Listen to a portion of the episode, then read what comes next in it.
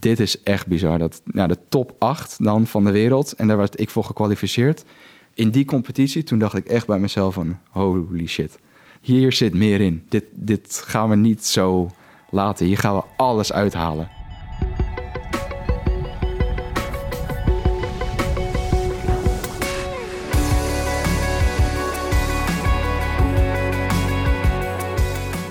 Hey, leuk dat je luistert naar Vliegpraat, de podcast waar het alleen maar gaat over paragliden en alles wat daarbij komt kijken. Ik ben Haro Brouwer en elke aflevering praat ik met één of meerdere gasten. En deze keer zijn dat Luc de Weert en zijn vader Bas. De hele aflevering staat in het teken van acrovliegen. Ik had daarvoor een afspraak gemaakt met Luc, maar toevallig was zijn vader ook thuis en dat leverde een onverwacht mooi inkijkje op van deze vader-zoon relatie. Want een zoon die constant met meerdere reserveparachutes vliegt en dingen doet met een scherm waarvan je niet wist dat het kon, daar moet je als vader maar vertrouwen in hebben.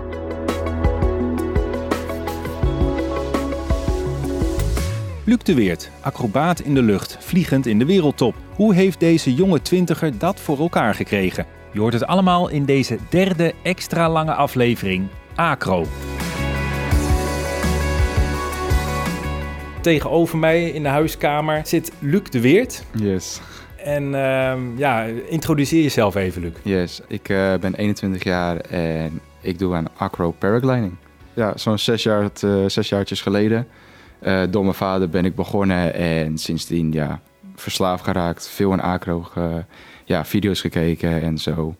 Ja, alsmaar meer ja, acro gaan doen in de bergen hier in Nederland. En ja, zoveel mogelijk eigenlijk. Gaan het daar uitgebreid over hebben. Yes. Deze podcast, en dat weet je nog niet, uh, begint altijd met vijf vragen. Ja. Uh, mag je gewoon kort antwoord op geven. Wanneer maakte je je eerste solovlucht? In welk jaar? Um, dat was in 2015 in uh, Annecy in Frankrijk. Een standaard zitharnas of een ligharnas? maar ik doe acro, dus zitharnas. Wat is je favoriete startmethode? Um, een goed windje op de start en gewoon achterwaarts starten. Misschien nog een beetje spelen op de take-off, wat spins doen, een beetje ja, spelen met je vleugel en dan uh, starten. Het is niet zomaar starten? Nee, eigenlijk niet. Altijd, als er wind staat, maak je de meeste loten mee eigenlijk. Ja. In welk land zou je nog eens willen vliegen? Uh, pff, heel veel landen. Ik, uh, Kies er eentje. Eentje. Het is eigenlijk een continent, Antarctica. dus ja, dat staat wel echt bovenaan, denk ik. Groepsdier of solist? Uh, solist. Ik uh, heb ook in het verleden gegamed en soms nog natuurlijk uh, wel eens hier en daar. En ik ben er gewoon achter dat in teamverbanden is het toch ben je afhankelijk van je team. En dan ben ik toch liever ja, iemand die solo zijn werk doet, zeg maar. En dat heb ik toevallig ook gevonden met paragliden. Dat doe je solo. En ja, dat werkt voor mij best goed. Ik wil heel graag uh, van jou weten hoe jouw eerste vlucht was. In Annecy dus. Nee, eigenlijk was het aan het strand, maar mijn echte, ja, ik, duinsoorten noem ik niet echt mijn eerste vlucht. Ik, mijn echte eerste solovlucht vind ik wel dat die in de bergen gemaakt moet worden. Omdat het echt een langere vlucht is ook. Hier aan de duinen, ja. Als je zeg maar van de bovenkant van de duin naar beneden glijdt en meteen land, noem je dat een vlucht. Vindt in mijn mening, naar mijn mening eigenlijk niet. Dat, daar zijn meningen misschien over verdeeld. Maar voor mij is mijn echte eerste vlucht in Annecy. Ja, je hing daar in de lucht. Ja. Wat dacht je toen? Vrijheid. Dat was echt ja, zo relaxed. Dat, ja, de lucht was gewoon zo smooth en kalm. Ik startte weg. En je merkte gewoon dat vlieggevoel, wat je, dat eerste, die eerste seconde dat je vliegt, zeg maar, dat gevoel, dat had ik. En dat voelde gewoon zo goed. En toen vloog ik daar in de kalmte, zonnetje op de achtergrond, mijn vader bij me, zeg maar. Uh, ja, dat was onwerkelijk eigenlijk. Ja, dat maakte gewoon de switch voor mij om dit voor altijd te blijven doen. Wat betekent vliegen voor jou? Alles. Alles wat ik doe in het leven, dat doe ik voor het vliegen. Alles, ja. Ik, ik wil zoveel mogelijk naar het buitenland om te vliegen, om te trainen, om, ja. Zoveel, ik wil zoveel mogelijk tijd erin stoppen. Dus echt, uh, ja, ik leef ervoor, om het zo maar te zeggen. Al het geld dat ik verdien, dat investeer ik weer in mijn sport. Uh, ja, doe ik de competities, wil ik trainen naar het buitenland, de wereld over, reizen. Ja, het is echt uh, waar ik voor leef. Dat, dat voelt gewoon zo goed. Dat heb, daar heb ik me echt in gevonden. En ja, dat, doe ik het liefst van alles in deze hele wereld. natuurlijk als je net begint, dan denk je niet van, ah, ik word, ja, ik ga er echt mijn leven, ja, hoe zeg je dat? Ik ga er alles aan doen om dit de rest van mijn leven te doen. Maar ja, over tijd uiteindelijk, je merkte wel, ik was een van de jongste. Ja, ik was, uh, toen die tijd was ik 15 jaar. En ja, je, weet wel, omdat je zo jong bent, weet je wel dat er potentie is, zeg maar. Je denkt niet meteen van, ah, we gaan daar wat uithalen. Maar ja, op dat moment zie je ook video's op internet over mensen die een acro doen. En dat vond ik dan interessant. En uiteindelijk door mijn vader ook uh, ben ik wat gaan oefenen, SIF-cursus gedaan. Hoe oud was je toen, toen je dat deed? Uh, dat was eind dat jaar nog. Dat was in oktober in Ole Dennis. Heb ik, uh, je vloog een jaar en toen deed je je SIF-cursus. Ja, en, klopt. En al wel met het idee van ik wil die acro-kant op. Ja, zeker, klopt. En sowieso los van acro moet je, in mijn, naar mijn mening, moet je gewoon ook een SIF-cursus doen. Het is echt heel belangrijk. Je leert heel veel over je vleugel, over de handling. Als je een collapse krijgt, dan weet je gewoon hoe je het moet oplossen. Dat is echt heel belangrijk. Dus sowieso, als zou ik geen acro doen, is het, was het nog steeds echt een must om het te doen, zeg maar. Dat zei mijn vader ook tegen mij. En heb ik dat dus gedaan.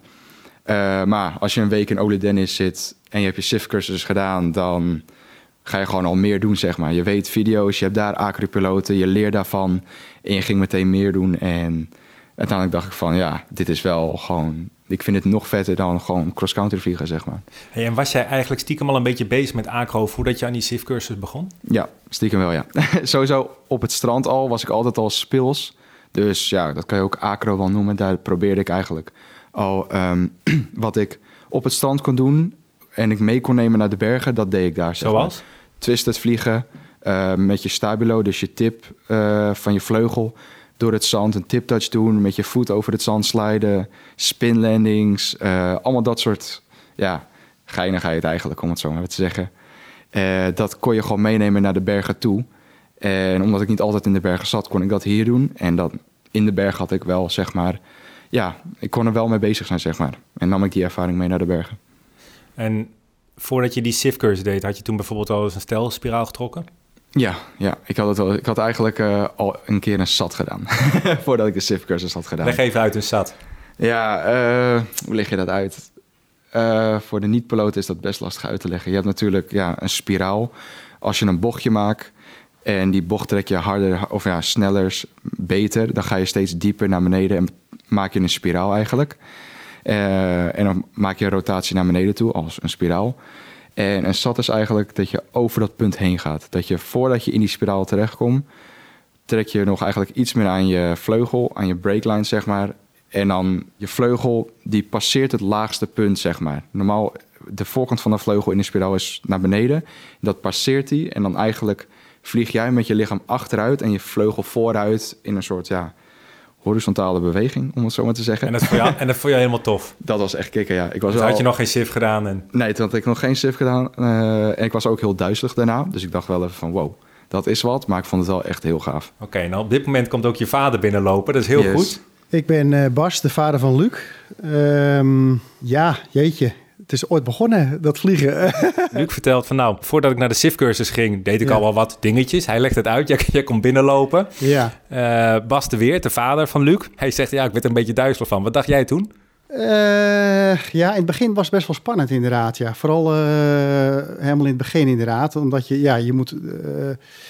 Hij had natuurlijk nog niet helemaal een super feeling. En je weet natuurlijk, er kan van alles misgaan in de lucht. Wist jij dat hij dat ging doen trouwens? Ja, ja, ja absoluut. Ja, ja, ja, ja, ja. Ik zat er bovenop.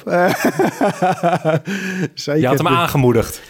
Ja, eigenlijk wel. Ja, ja, dat is eigenlijk wel een beetje gegroeid door al die jaren heen. Uh, Want was jij, Bas, was jij ook al bezig met acro? Ja, nou niet met acro, maar wel gewoon uh, normaal cross-country vliegen, zeg maar. En, ja. uh, en fun vliegen, een beetje freestyle en zo. Ja dat, dat trok me wel al uh, zeker. En um, ja, het gaat, gaat best wel ver terug. Uh, Luc, die, uh, die zat nog in de buik van zijn moeder. En we waren op vakantie in Zwitserland, in de bergen.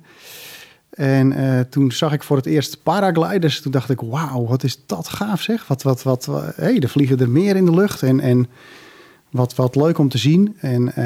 Um, en toen dacht ik, oh, dat moet wel een fantastisch gevoel zijn. Maar je hebt er echt helemaal geen idee van hoe dat voelt. Maar daar probeer je dan een voorstelling bij te, te, te maken, zeg maar. En dan zie je ook die paragliders omhoog gaan. Toen dacht ik, hè, hoe, hoe kan dat? En ze verdwijnen half in de wolken. Toen dacht ik, nou, dit, dit is iets, dat, dit, dit moet ik gewoon toch een keer gedaan hebben in mijn leven. En eh, toen reed ik naar huis toe van vakantie. Toen dacht ik, jeetje, dit, dit, dit. Dat bleef zo in mijn, in mijn gedachten hangen dat ik dacht, nou, dit, dit, dit, dit moet een, een super gevoel geven. En, en terug in Nederland komende eh, heeft dat nog wel een tijdje geduurd, wel een paar jaar nog. En toen eh, heb ik gezocht op internet van, god, waar kan je dat in Nederland doen? kwam ik uit bij de dichtstbijzijnse vliegschool Skygliders. En daar heb ik al een aantal jaren gevlogen. Bij Alfa aan de Rijn is dat? In Alfa aan de Rijn, inderdaad. Ehm, ja, en dan zie je natuurlijk, uh, dan hoor je van alles om je heen. Van, oh, je kan ook lang, langs het strand vliegen. En ik denk, oh, hoe ziet dat er dan uit? En heb je geen lier nodig? Toen dacht ik, oh, wat lekker, geen lier. En toen, nou, toen, toen verkende ik zeg maar het soren. En natuurlijk parallel daaraan ook het bergvliegen. Nou, en Luc die vloog mee aan de tandem als kleine jongen in de bergen. In Turkije kwamen we heel vaak. En ook wel in, in de Alpen, zeg maar. Um, Want sinds wanneer vlieg jij, Bas? Uh, 2003 ergens. Ja, 2003, 2004. Toen was Luc een jaar of vier. Ja, vanaf een jaar of 10, 11, 12 uh, denk ik. En toen, toen ging hij wel mee, maar ik zag wel aan het snoetje zo van... God, ja, ik vind het wel geinig, maar om nou... Mo, mo, mo. Het deed hem niet zo heel veel. En hij moest altijd mijn sticky vasthouden met mijn cameraatje Het erop. was nog niet heftig genoeg. het, was, het was nog niet heftig genoeg toen. Nee, blijkbaar. Hij werd ook wel een beetje bisselijk, weet je wel. Dan liet ik hem zelf sturen en dat ging dan wel wat beter en zo. En... Um, en op een bepaald moment, uh, ik weet niet exact de leeftijd van Luc, ik denk 16, toen 14. Oh ja, dat was, ja precies. Um, ja, in, in, in kan je natuurlijk heel uh, mooi op het strand pielen en klooien met je vleugeltje opzetten met een mooi zeewindje. En op een gegeven moment uh, keek Luc ons aan en hij zegt, pap, ik, ik wil ook vliegen. Ik, ik wil het zelf kunnen. En ik kijk hem aan ik denk, nou, dat is, dat is een grapje. En ja, hij zegt, ik, wil het echt. Nou ja, ik zeg, dat, dat, dat is goed. Ik zeg, ja, oké. Okay. Uh, we hadden een mini-vleugeltje bij ons. En ja, en zo begon het. En, en hij was aan het opzetten en met voorwaartse startjes en achterwaartse startjes. En dat ging me door. Het was, dat was de hele vakantie door. Ik denk, nou, ik weet niet wat er met die jongen de hand is. Maar ja, dat was eigenlijk het, het startpunt voor Luc. vanaf dat moment ja, hield het eigenlijk gewoon niet meer op. Maar heel even terug, hè? Want, want jij komt net binnenlopen. Hij vertelt op dat moment, ja, ik had mijn nog niet gedaan, maar ik deed een leuk oefeningetje. Dat was spannend, ja, zeker, ja. Nou ja, dat vraag ik me zeker af, want ik bedoel, um, je had kennelijk vertrouwen erin dat, dat hij dat goed zou doen. Mm -hmm. Hij zei wel van, ah, het was een beetje duizelig toen ik beneden kwam, maar ja.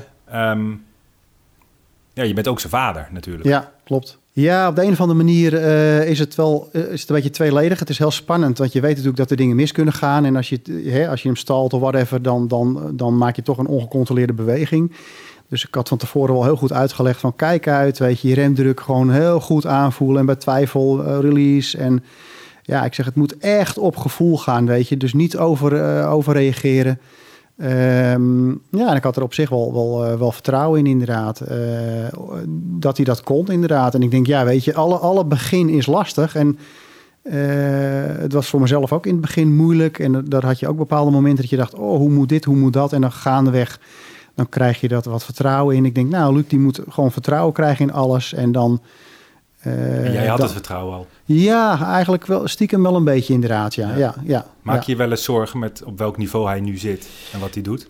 Um, nou, eigenlijk niet zozeer, omdat uh, dat, dat ja, uh, uh, Luc doet geen, geen rare vreemde uitspatting. Hij doet toch wel alles behoorlijk gecontroleerd, zeg maar. En hij neemt uh, voor zijn uh, kunde, zeg maar, toch geen echte risico's, zeg maar. Uh, Luc die heeft toch de, door de jaren heen de dingen heel basic opgebouwd. En van daaruit gaat hij iedere keer kleine stapjes verder. Dus in het begin heb ik me veel meer zorgen gemaakt van god, het gaat mis, omdat hij nog te kort ervaring had.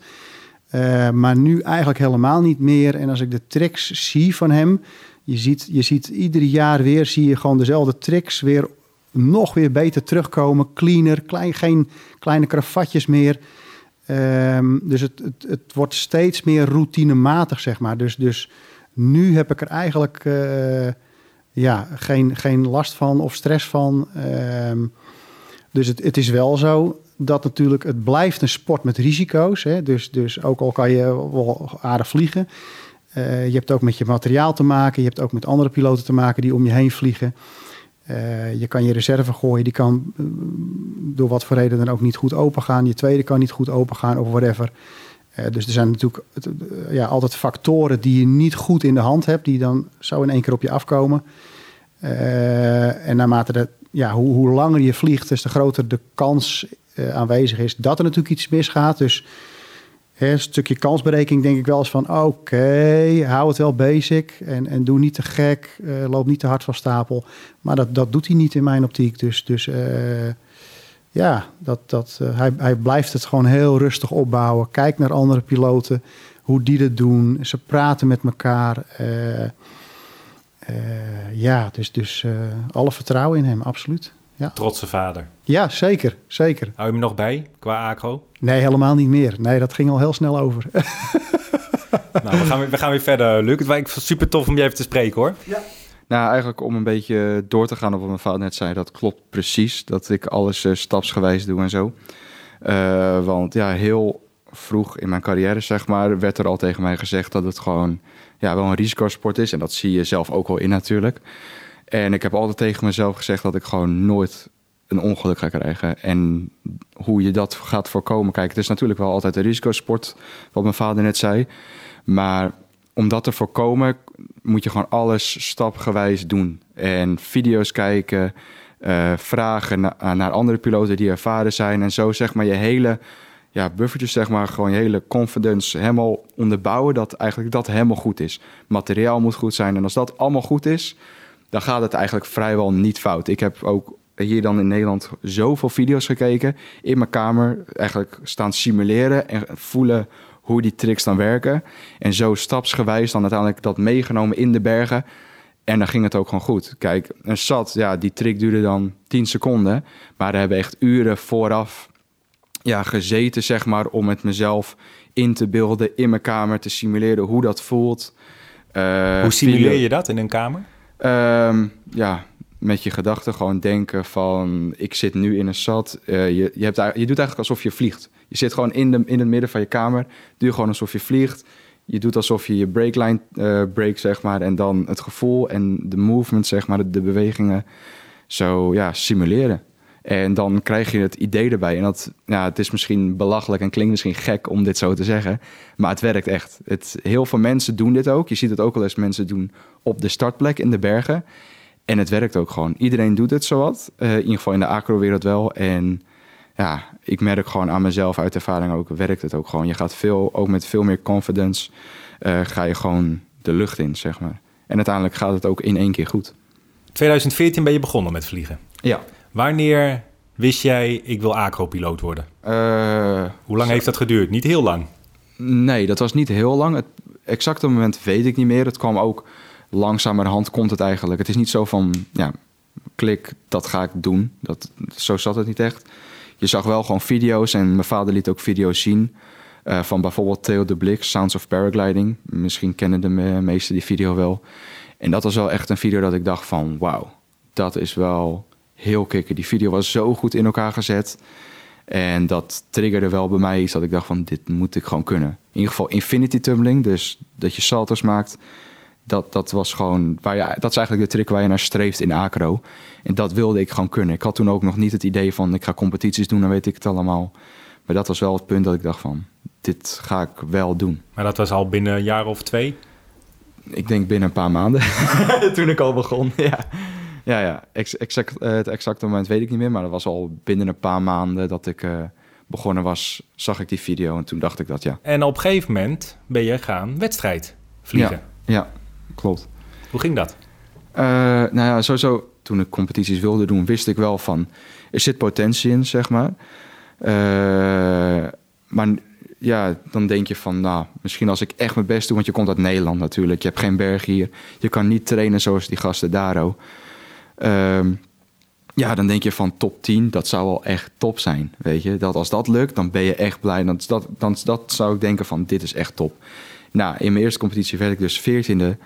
En nou, in 2020 dus werd ik dan vijfde. En toen dacht ik wel van, wow, dat is wel, er zit wel wat meer in dan... En bij welke wedstrijd was dat? Want lang niet iedereen kent die dat wedstrijden. echt bij mij de switch maakte, dat was in Acro Game. Dat is geen officiële FAI-gerelateerde eh, competitie. Dus zeg maar echt van de, ja, de luchtsportvereniging, zeg maar, over de hele wereld.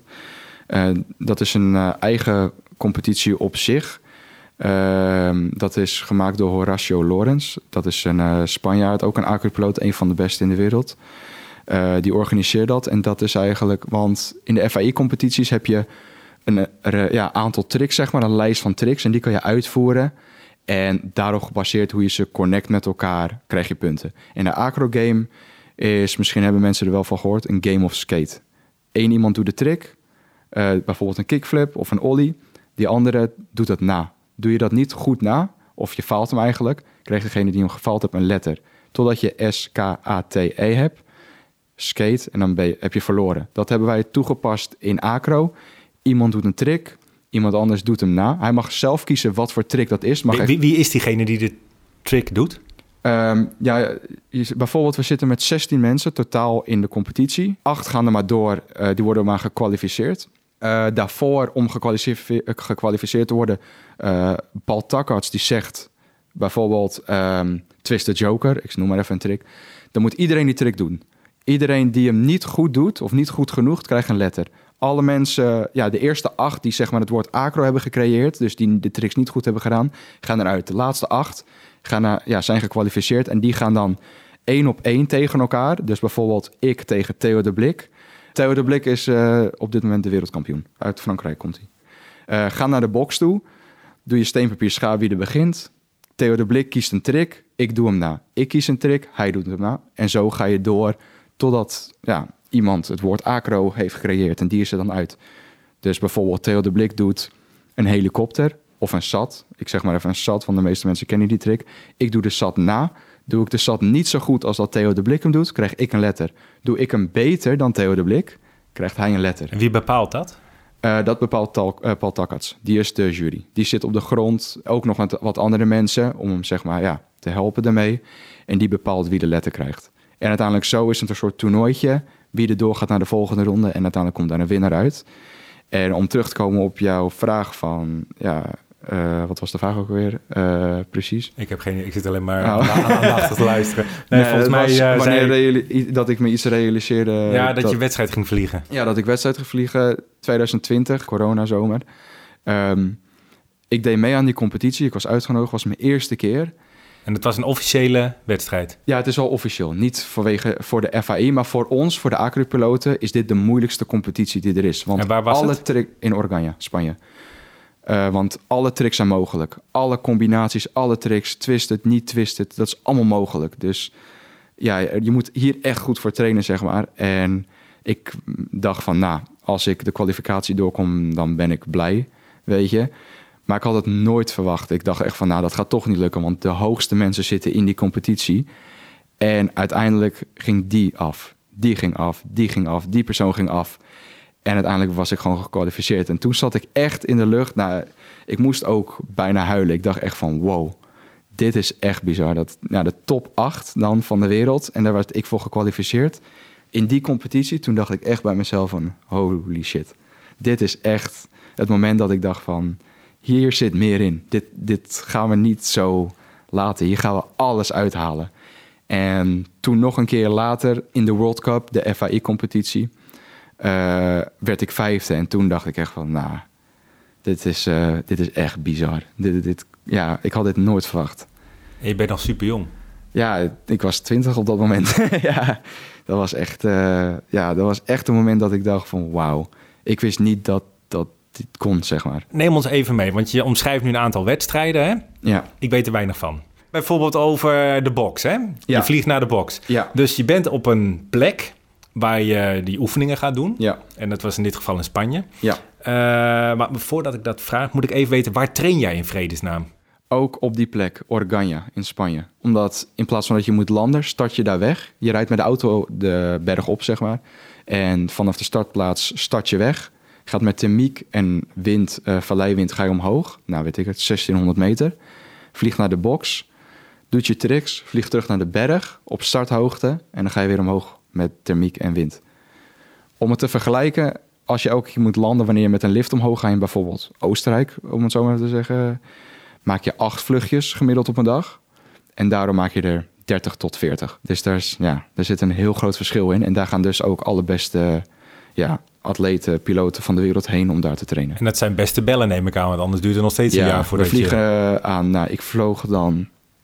Dit jaar vlieg ik, of 2020, uh, vlieg ik aan 16 en 15 vierkante meter vleugel.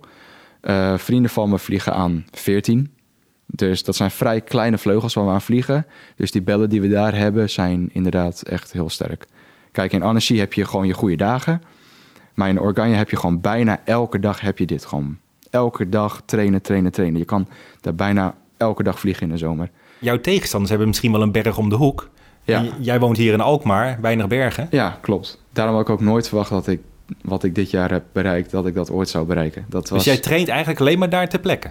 Ja, alleen maar daar. Hier in, uh, aan de Lier train ik wel wat, maar ja, dat is eigenlijk meer een beetje om mijn skills te behouden, zeg maar. Ik leer daar niet echt nieuwe dingen. Ik doe daar gewoon de tricks die ik al kan. Om het een beetje, zeg maar, ja, in stand houden dat ik niet alles verlies. Dat doe ik hier in Nederland een beetje. En echt in de bergen, dat is eigenlijk het enige moment waarbij ik echt vol gas aan het trainen ben. Maar als je zo gepassioneerd hiermee bezig bent, moet, moet jij gewoon niet verhuizen joh, naar de bergen of zo? Ja, daar heb ik over nagedacht. Ja, ja. Nou, financieel is dat nu lastig, maar ja, we proberen er wat uh, voor de toekomst uh, wat van te maken.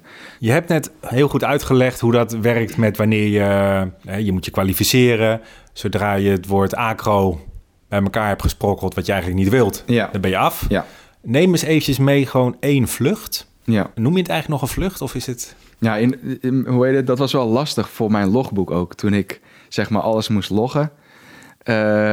uiteindelijk maak je gewoon in Organja gewoon... Ja, vlieg je gewoon vijf uur. Maar ja, hoe, het is, ja, dat was lastig gewoon. Het was een beetje, het, ja, het komt een beetje los van het boekje. Want normaal, als je, kijk, als zou ik naar Oostenrijk gaan, dan maak ik gewoon ja, op een goede plek 14 vluchten op een dag, zeg maar.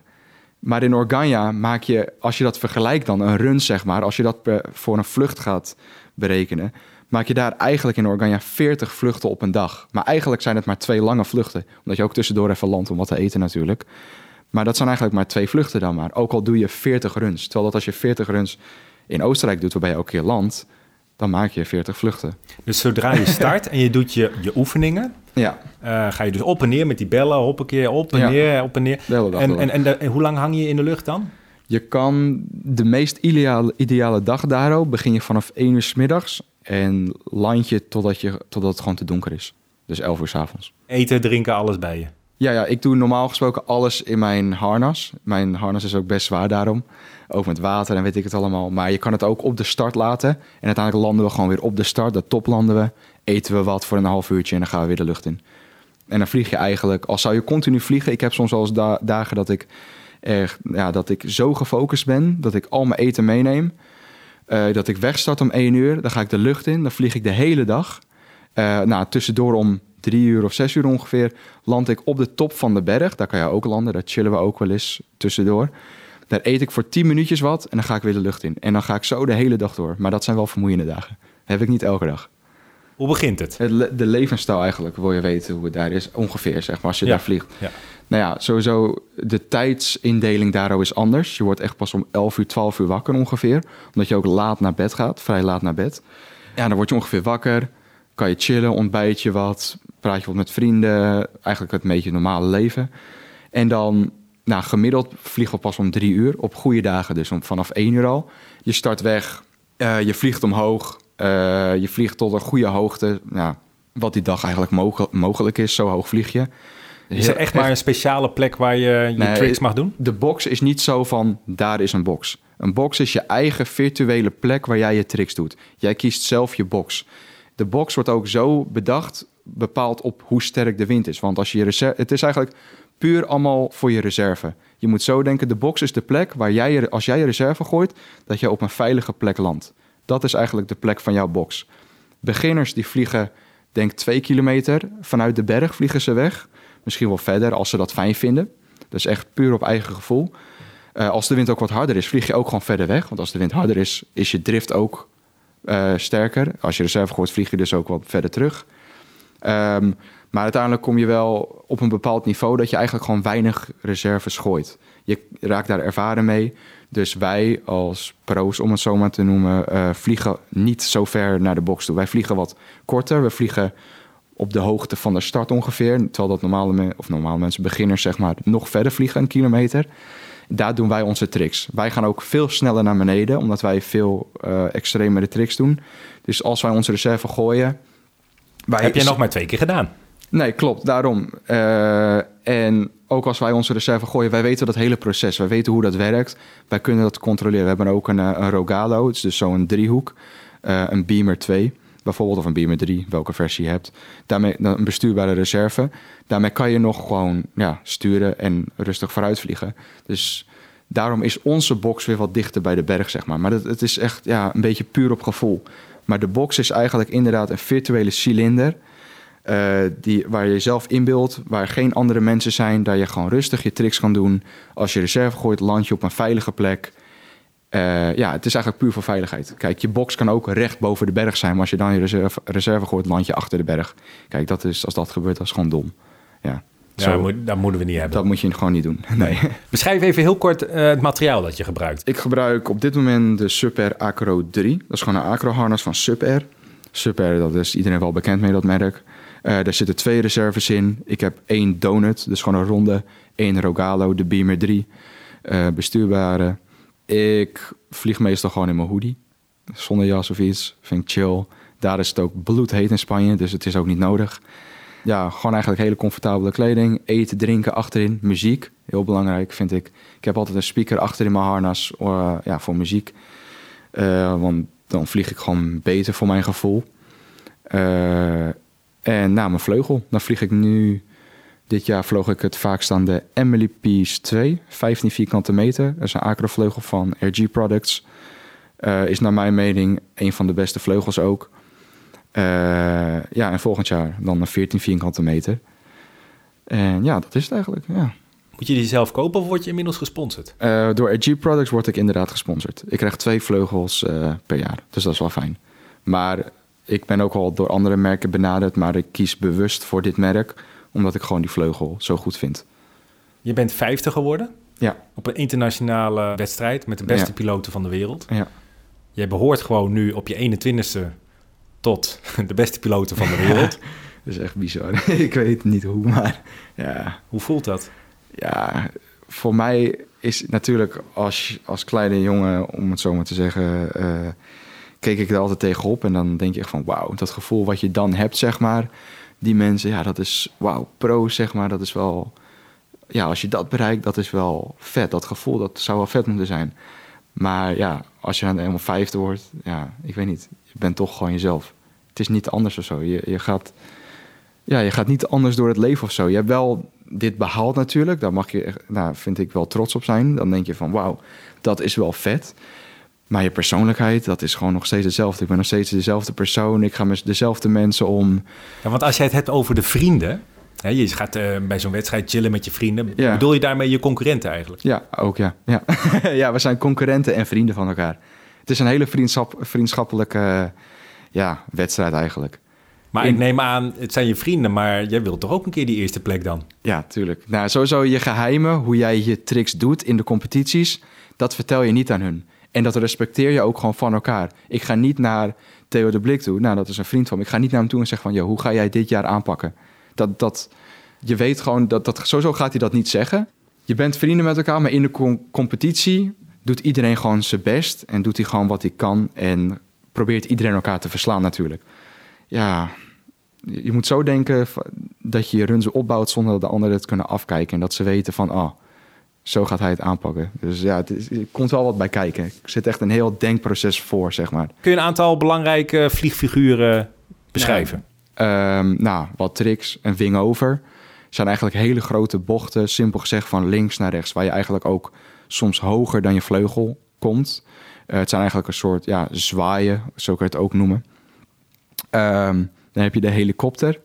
Dat is eh, in acro paragliding doet, maak, gaat eigenlijk één kant van je vleugel, bijvoorbeeld de rechterkant, vliegt naar voren en de linkerkant vliegt naar achter.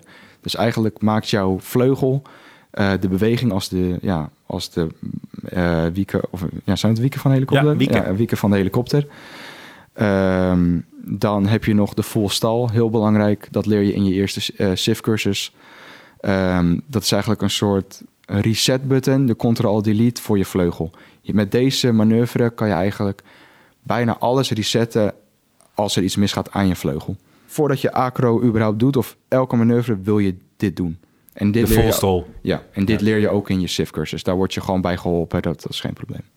Infinity tumbling, nou, dat is eigenlijk het plaatje van acro. Het is eigenlijk, ja, je, gaat, je maakt eigenlijk salto's. Je valt over je vleugel heen, je vleugel komt onder je door. En zo gaat dat door totdat je de vleugel stopt. Zodat je denkt, nou, nu, nu, Nu is wel het wel genoeg eh, rondjes gedraaid. Het wereldrecord staat volgens mij iets op eh 300 nog wat rotaties achter elkaar. En wat is, en wat is jouw record? geen idee. Echt, er komt niet dichtbij. Je houdt ze niet bij. Nee, nee, maar die gasten gingen ook naar 6000 meter uit de luchtballon. En dan gewoon van top helemaal naar beneden. Alleen maar doorgaan. Door, door, door. Je begint aan een serie tricks. Ja, En er komen enorme krachten bij kijken. Ja. G-krachten. Ja, zeker. Je bent nooit oud gegaan. Nee, ik, ik heb wel één keer dat ik heel even zwart voor mijn ogen werd. Maar dat was gewoon dat ik me die dag niet heel goed voelde en zo. Eh, dus dat kwam daardoor, zeg maar. Maar voor de rest nooit echt oud gegaan of iets. Nee, gelukkig niet. Maar ik, je raakt er wel aan gewend, zeg maar. Aan het begin, wat ik ook al zei, net bij die SAT, mijn eerste SAT, was ik duizelig. Maar als je het uiteindelijk zo vaak doet, dan raak je er gewoon aan gewend. En je wordt uiteindelijk gewoon niet meer duizelig. Ja, je fysiek word je gewoon en mentaal raak je eraan gewend. En ja, dan kan je er gewoon tegen uiteindelijk. En hoe voelt het voor jou om af te dalen met al die tricks? Want je daalt ja, natuurlijk. Ja, ja, zeker. Eh, hoe voelt het als je zo'n serie... Hoe lang ben je, hoeveel seconden ben je ermee bezig? Onge- een run duurt ongeveer een minuut.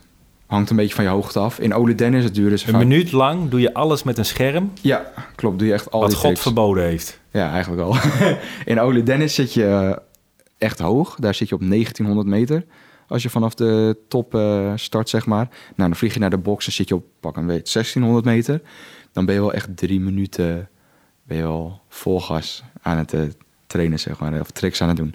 Maar dan denk je wel ook halverwege, denk je echt van... Poeh, dat zijn heel wat, eh, heel wat tricks. Dan weet je ook gewoon niet meer wat je moet doen uiteindelijk. Dat, ja, zoveel hoogte heb je dan. Jij, jij had echt geboren moeten worden met vleugels, hè? Ja, dat zou wel top zijn, ja. ja, ja. Nee, ja, het is echt gigantisch hoe deze sport eh, ja, mijn leven heeft veranderd eigenlijk. Ja, Ik heb ehm, onder andere gesproken met eh Danielle ten Berge. ja, Een mooi gesprek over hoe zij eh, omgaat met eh, angsten van, ja. tijdens het vliegen.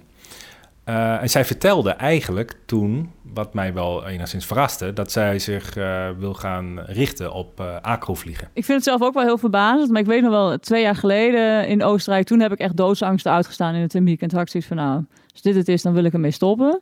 Maar ik had toen, voordat ik naar Oostenrijk ging... had ik al een keer een filmpje gezien van een acrovlieger. En dat zag er zo mooi uit. Ik weet niet, volgens mij was het ook zo bij Annecy, geloof ik.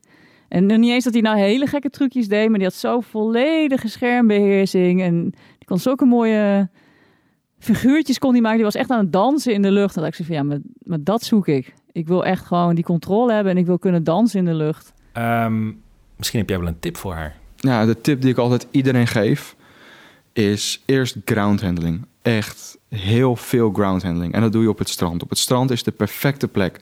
Noord-zuidwind, het beste westwind, want dan kan je ook meteen vliegen.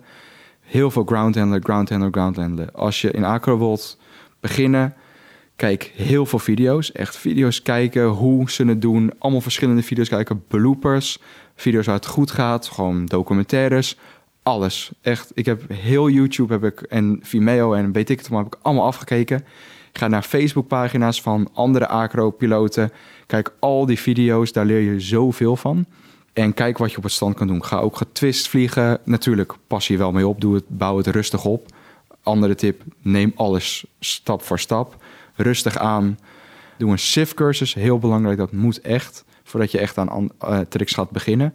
En in die SIF-cursus kunnen ze jou ook al wat tricks leren. Want die, de meesten kunnen al wat tricks, zeg maar. Ehm, desnoods, al voel je je niet comfortabel, doe je nog een SIF-cursus. Neem, zoveel je er, eh, neem zoveel je er wilt. Maakt echt niet uit. praat met piloten op het internet. Iedereen is super open en die ja, vertellen je alles wat je wilt weten. Je kan zelfs video's insturen naar die mensen en die geven daar ja, hun advies op. Ehm, ja, en zo rustig aan, stap voor stap, alles, ja, elke ja, vakje afvinken en zo doorgaan.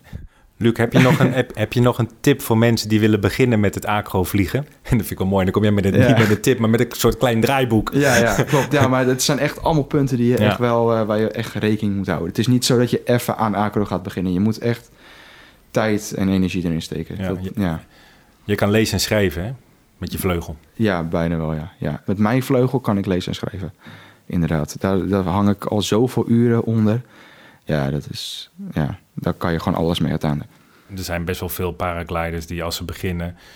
Zeker, het wordt uh, turbulenter. Uh, die vleugel uh, gaan dingen doen. Ja. Dat vinden ze al spannend. Ja. Er zijn ook momenten dat ik zelf denk van... nou, ik vind het wel mooi geweest. Mm -hmm. ja. Snap jij dat nog? Ik bedoel, jij, bent, jij, bent natuurlijk, jij zit op een ander niveau nu. Hè? Ik bedoel... Ja, nou, ik snap het wel. Ik snap het volledig. Kijk, zelfs voor ons het kan te turbulent zijn. Soms is het gewoon echt te turbulent. In Organja hebben wij ook dagen dat het gewoon turbulent is en dat wij gewoon landen omdat we zeggen dit is gewoon te. Dus ik snap ze gewoon volledig. Uiteindelijk, natuurlijk, onze grens ligt wel wat hoger. Ik had ook altijd, toen ik mijn eerste paar vluchten maakte in het begin... en het was een beetje thermisch en turbulent... dat iedereen vloog, dacht ik al bij mezelf van... oh, dit is wel spannend, weet je. Uh, maar dat, dat is gewoon een proces. Uiteindelijk als je ook meer acro gaat doen... en je doet de SIF-cursus raak je gewoon super comfortabel en uiteindelijk gaat het gewoon weg. Dat, ja, nou niet helemaal weg. Je houdt altijd wel natuurlijke angst een beetje, maar geen echte angst of zo. Dus het gaat gewoon, ja, het wordt gewoon minder en minder en minder. En hoe meer je het doet, des te minder het gewoon wordt. Dus die angst die je aan het begin hebt, dat gaat gewoon weg. Maak er wat van. En, en, en toch, hè, hoe veilig je ook vliegt, soms gebeuren er nare dingen. Jij vliegt bij ja. Skygliders, daar is in 2020 ook een piloot ja. omgekomen in Griekenland. Ja. Wat doet dat met jou dan, als je dat hoort? Ook gewoon weer een realisatiemomentje. Dat je gewoon weer denkt van, het moet, kijk, het kan nog steeds. Ja, het, ja, het is lastig, maar het is ja, voor mij echt een re realisatiemomentje weer. Dat ik denk van, kijk, het kan altijd misgaan. En dat risico, zeg maar, je kan je risico kan je gewoon verkleinen en die wil je gewoon zo. Die, hou je gewoon zo klein mogelijk. Uh, natuurlijk, ik zeg net wel, je moet alle stap, ja, stap voor stap nemen, zeg maar. Maar heel soms ga je daar wel eens van af. Kijk, bijvoorbeeld infinity tumbling. Uh, een van de bekendste tricks uh, in acro. Dat is zeg maar dat je verticaal over de kop uh, ja, salto's maakt, om het zo maar te zeggen. Die trick heb ik eigenlijk te snel al geleerd. Ik, nou, ik sloeg denk twee stappen denk, over uh, voordat ik überhaupt die trick uh, ja, mocht doen, om het zo maar even te zeggen. Van wie? Van jou? Of? Van mezelf, ja, ja, zeker. Nee, je hebt gewoon... Uh, het staat niet op papier, zeg maar, op zwart-wit... Hoe, welke stappen je moet nemen. Maar je weet gewoon... Hetzelfde een beetje met skateboarden. Je begint natuurlijk met een ollie, dus gewoon omhoog dan met een pop weer, dus dat je bord ook een soort 360 uh, graden draait. Ik ben heel blij dat je even alles verklaart hoor. Heel ja, goed, ja. ga daarmee door. En daarna kickflip en zo door, zeg maar. Je gaat gewoon van de makkelijke tricks ga je gewoon steeds verder, verder, verder. Dat staat niet op zwart-wit dat het zo moet, maar dat je weet gewoon dat dat zo hoort en dat het veilig is. En dat heb je ook met acro. En ik sloeg dan wel gewoon twee tricks over. En ik heb uiteindelijk ook wel toen een fout gemaakt. Geen reserve gegooid of zo, maar ik had gewoon even een blooper momentje. Uh, ja, en dat had ik gewoon kunnen voorkomen door alles stap, bij, ja, stap voor stap te nemen, zeg maar. En wat voor momentje had je? Uh, ik stopte de vleugel iets te laat. Je stalt zeg maar de vleugel uit, zeg maar. En dat doe je ongeveer als je boven de vleugel hangt, zodat hij niet meer verder shoot, zeg maar. En dat deed ik iets te laat, waardoor de vleugel te veel energie had. En toen schoot de vleugel voor me, maar omdat je breakt, rem je ook gewoon weer af. En toen ben ik eigenlijk bijna in mijn vleugel beland, om het zo maar even te zeggen. Viel ik tussen mijn lijnen door onder mijn vleugel. En daar kreeg, je, ja, daar krijg je wel een klap van, zeg maar. Want je valt gewoon een paar meter naar beneden. Uh, het is niet heel gevaarlijk. Het gebeurt wel vaker dat je wel eens een... Ja, het is eigenlijk een hele grote frontcollapse, zo moet je het even zien. Uh, hij opent gewoon weer de vleugel en alles is weer goed. Maar het was wel gewoon even een momentje dat ik weer dacht van... oh ja, dat, uh, je moet het wel gewoon stapsgewijs weer doen. Natuurlijk, je hebt altijd wel angst. maar ik dacht niet van... oh, dit was zo angstig of eng dat, dat ik er niet meer doorging. Wat is angst bij jou? Hoe voelt dat? Nou, sowieso vliegen is natuurlijk aan het begin best angstig. Het is, ja, je gaat vliegen, de bergen in, je hangt aan lijntjes, aan een doek. Het is best ja, apart om het zo maar even te zeggen. Ehm, daar heb ik altijd wel wat angst gehad natuurlijk, maar gewoon natuurlijke angst, weet je. Eh, dat is ja, niks uh, ergs was dat. Maar uiteindelijk toen ik begon wel een beetje met acro, toen merkte ik wel dat er meer angst bij kwam kijken. Dat zie je ook wel op, mijn, op GoPro's en zo, dat ik mezelf aan het filmen was. Zie je gewoon wel angst in mijn gezicht, oh, ja, in mijn gezicht zeg maar. Ik dacht altijd van iedereen, of nou iedereen doet het. Heel, ja, andere mensen kunnen het ook, dus dan kan ik het ook. En wat ik net ook al zei, als je filmpjes kijkt en alles zeg maar ja, rustig opbouwt, dan kan er niks misgaan. Je hebt twee reserves, er kan eigenlijk vrijwel helemaal niks misgaan. En met die gedachte ga je dan de box in, zeg maar, de ja, virtuele plek waar je je tricks doet uh, in de lucht. En dan ga je tricks proberen en uiteindelijk lukken ze nog ook, ook. En hoe verder je komt, hoe minder angst je hebt. Kijk, ik heb wel twee reserves gegooid nu uh, in mijn carrière. Maar dat verliep gewoon perfect. Ja, het ging een keer mis. Wat was er aan de hand? Uh, de eerste keer was in Olu Dennis in Turkije in 2016. Toen deed ik een trick. Uh, nou, de Twisted Joker was dat dan de trick. En ik raakte getwist, uh, echt meerdere keren. En ik, ja, de vleugel toen, die shootte toen ook. Want hij bleef eerst, als je getwist raakt in die trick, bleef de vleugel achterhangen. En die shootte dan. de vleugel collapste. ja, het ging mis dat duurde zo even. En uiteindelijk zat ik van, nou, ik ga het niet proberen op te lossen, want ik zat al wat lager. Ik gooi mijn reserve. Vleugel opende gewoon perfect. Ik haal mijn vleugel binnen en ik landde daardoor in het water. Werd opgehaald door het bootje. Ging eigenlijk, het, ja, het moest eigenlijk niet anders gaan. Het ging perfect eigenlijk. De trick uh, faalde ik. Reserve gegooid, ging perfect open. En ja, alles ging gewoon naar wens, om het zo maar even dan te zeggen. En de tweede reserve was in Organya in Spanje. Uh, deed ik ook een trick. Nou, het viel op zich wel mee. Ik kreeg een kravat. Nou, voor acrovleugels is dat niet een groot probleem, want die vleugels zijn vrij, eh, vrij klein en zit veel druk in die vleugels, dus dat opent vrij snel weer. Maar je hebt wel eens een kans dat dat niet gebeurt. Nou, dat had ik dit keer. Ik probeerde nog voor, weet ik het, 100 meter het proberen te uh, fixen, op te lossen. Is niet gelukt en uiteindelijk is mijn vleugel, zeg maar, ja, zo, ja, hoe zeg je dat? Een soort een wokkel kan je dat noemen. De vleugel ging zeg ja, maar... Wokkel, één... daar kan ik me iets bij voorstellen. Ja, ja, Hij zag eruit als een wokkel. Ja, eigenlijk wel. De vleugel één tip gaat zeg maar in de lijnen. Die gaat dan helemaal doorheen naar de achterkant en die gaat er dan weer uit. Dus eigenlijk is gewoon één kant van je vleugel ja, geroteerd, om het zo maar te zeggen. Dus ja, het zijn eigenlijk twee delen waar je eigenlijk zo'n beetje aan vliegt.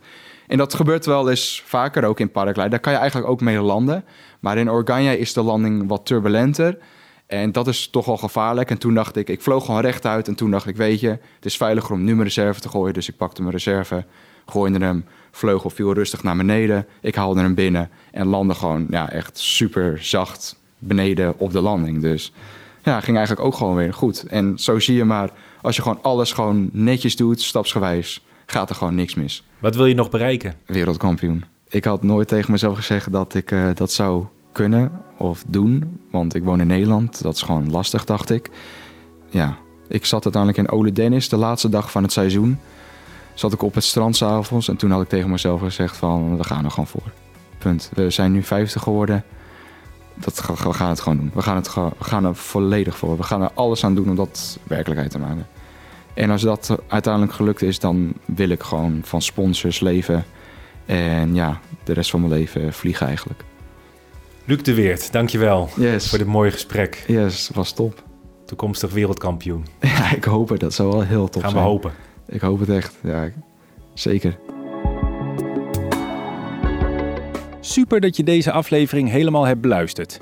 Je ziet acrofilmpjes misschien wel eens voorbij komen, maar nu heb je er met het verhaal van Luc hopelijk een complete beeld van gekregen. In elk geval heeft Luc mij geïnspireerd door zijn mindset en manier van voorbereiden. Tot zover deze aflevering van Vliegpraat. Vond je het een leuke aflevering? Laat dat dan vooral even weten. Dat kan bijvoorbeeld door een recensie achter te laten via de Apple Podcast app. Of stuur een mailtje naar haro-hebmp.nl. Staat voor Haro Ewoud Brouwer Media Productions. Abonneer je vooral op de podcast, dan krijg je de volgende Vliegpraat hop zo in je bakje. Veilige vluchten en tot de volgende!